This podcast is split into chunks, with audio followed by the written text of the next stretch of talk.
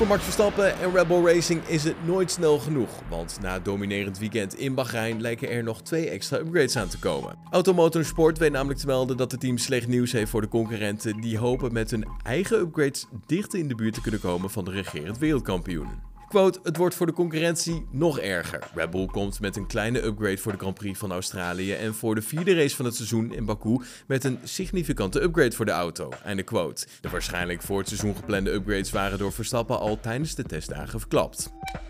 En er schijnt wat frictie te zijn in de top van Ferrari. Frederik Vasseur is vanaf 2023 de nieuwe teambaas van het team, maar de Fransman zou niet alle bevoegdheden krijgen van CEO Finja.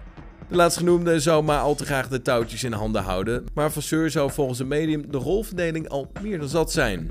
De Italiaanse krant spreekt namelijk over een breuk tussen CEO Vigna en Vasseur. De teambaas zou niet kunnen genieten van de vrijheid die de andere teambazen wel hebben of kregen. De CEO zou ervoor hebben gekozen dat Vasseur weinig eigen inbreng heeft. Ook het eigen personeel lijkt niet zo tevreden te zijn met deze situatie. Hoofdengineer David Sanchez is al vertrokken en men verwacht dat Laurent Marquis, de voormalige rechterhand van Binotto, hetzelfde lot ligt te wachten.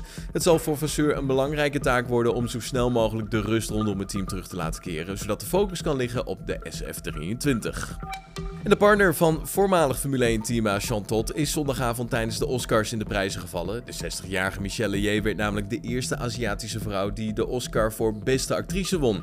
Voor haar rol in de film Everything Everywhere All at Once.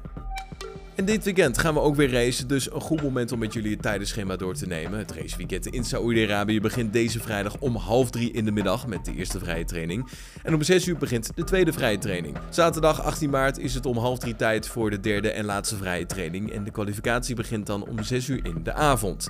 De race zelf, de Grand Prix van Saoedi-Arabië, begint zondag 19 maart om 6 uur in de avond. Op de hoogte blijven van het allerlaatste Formule 1 nieuws volg dan dit kanaal of check onze website gpfans.com.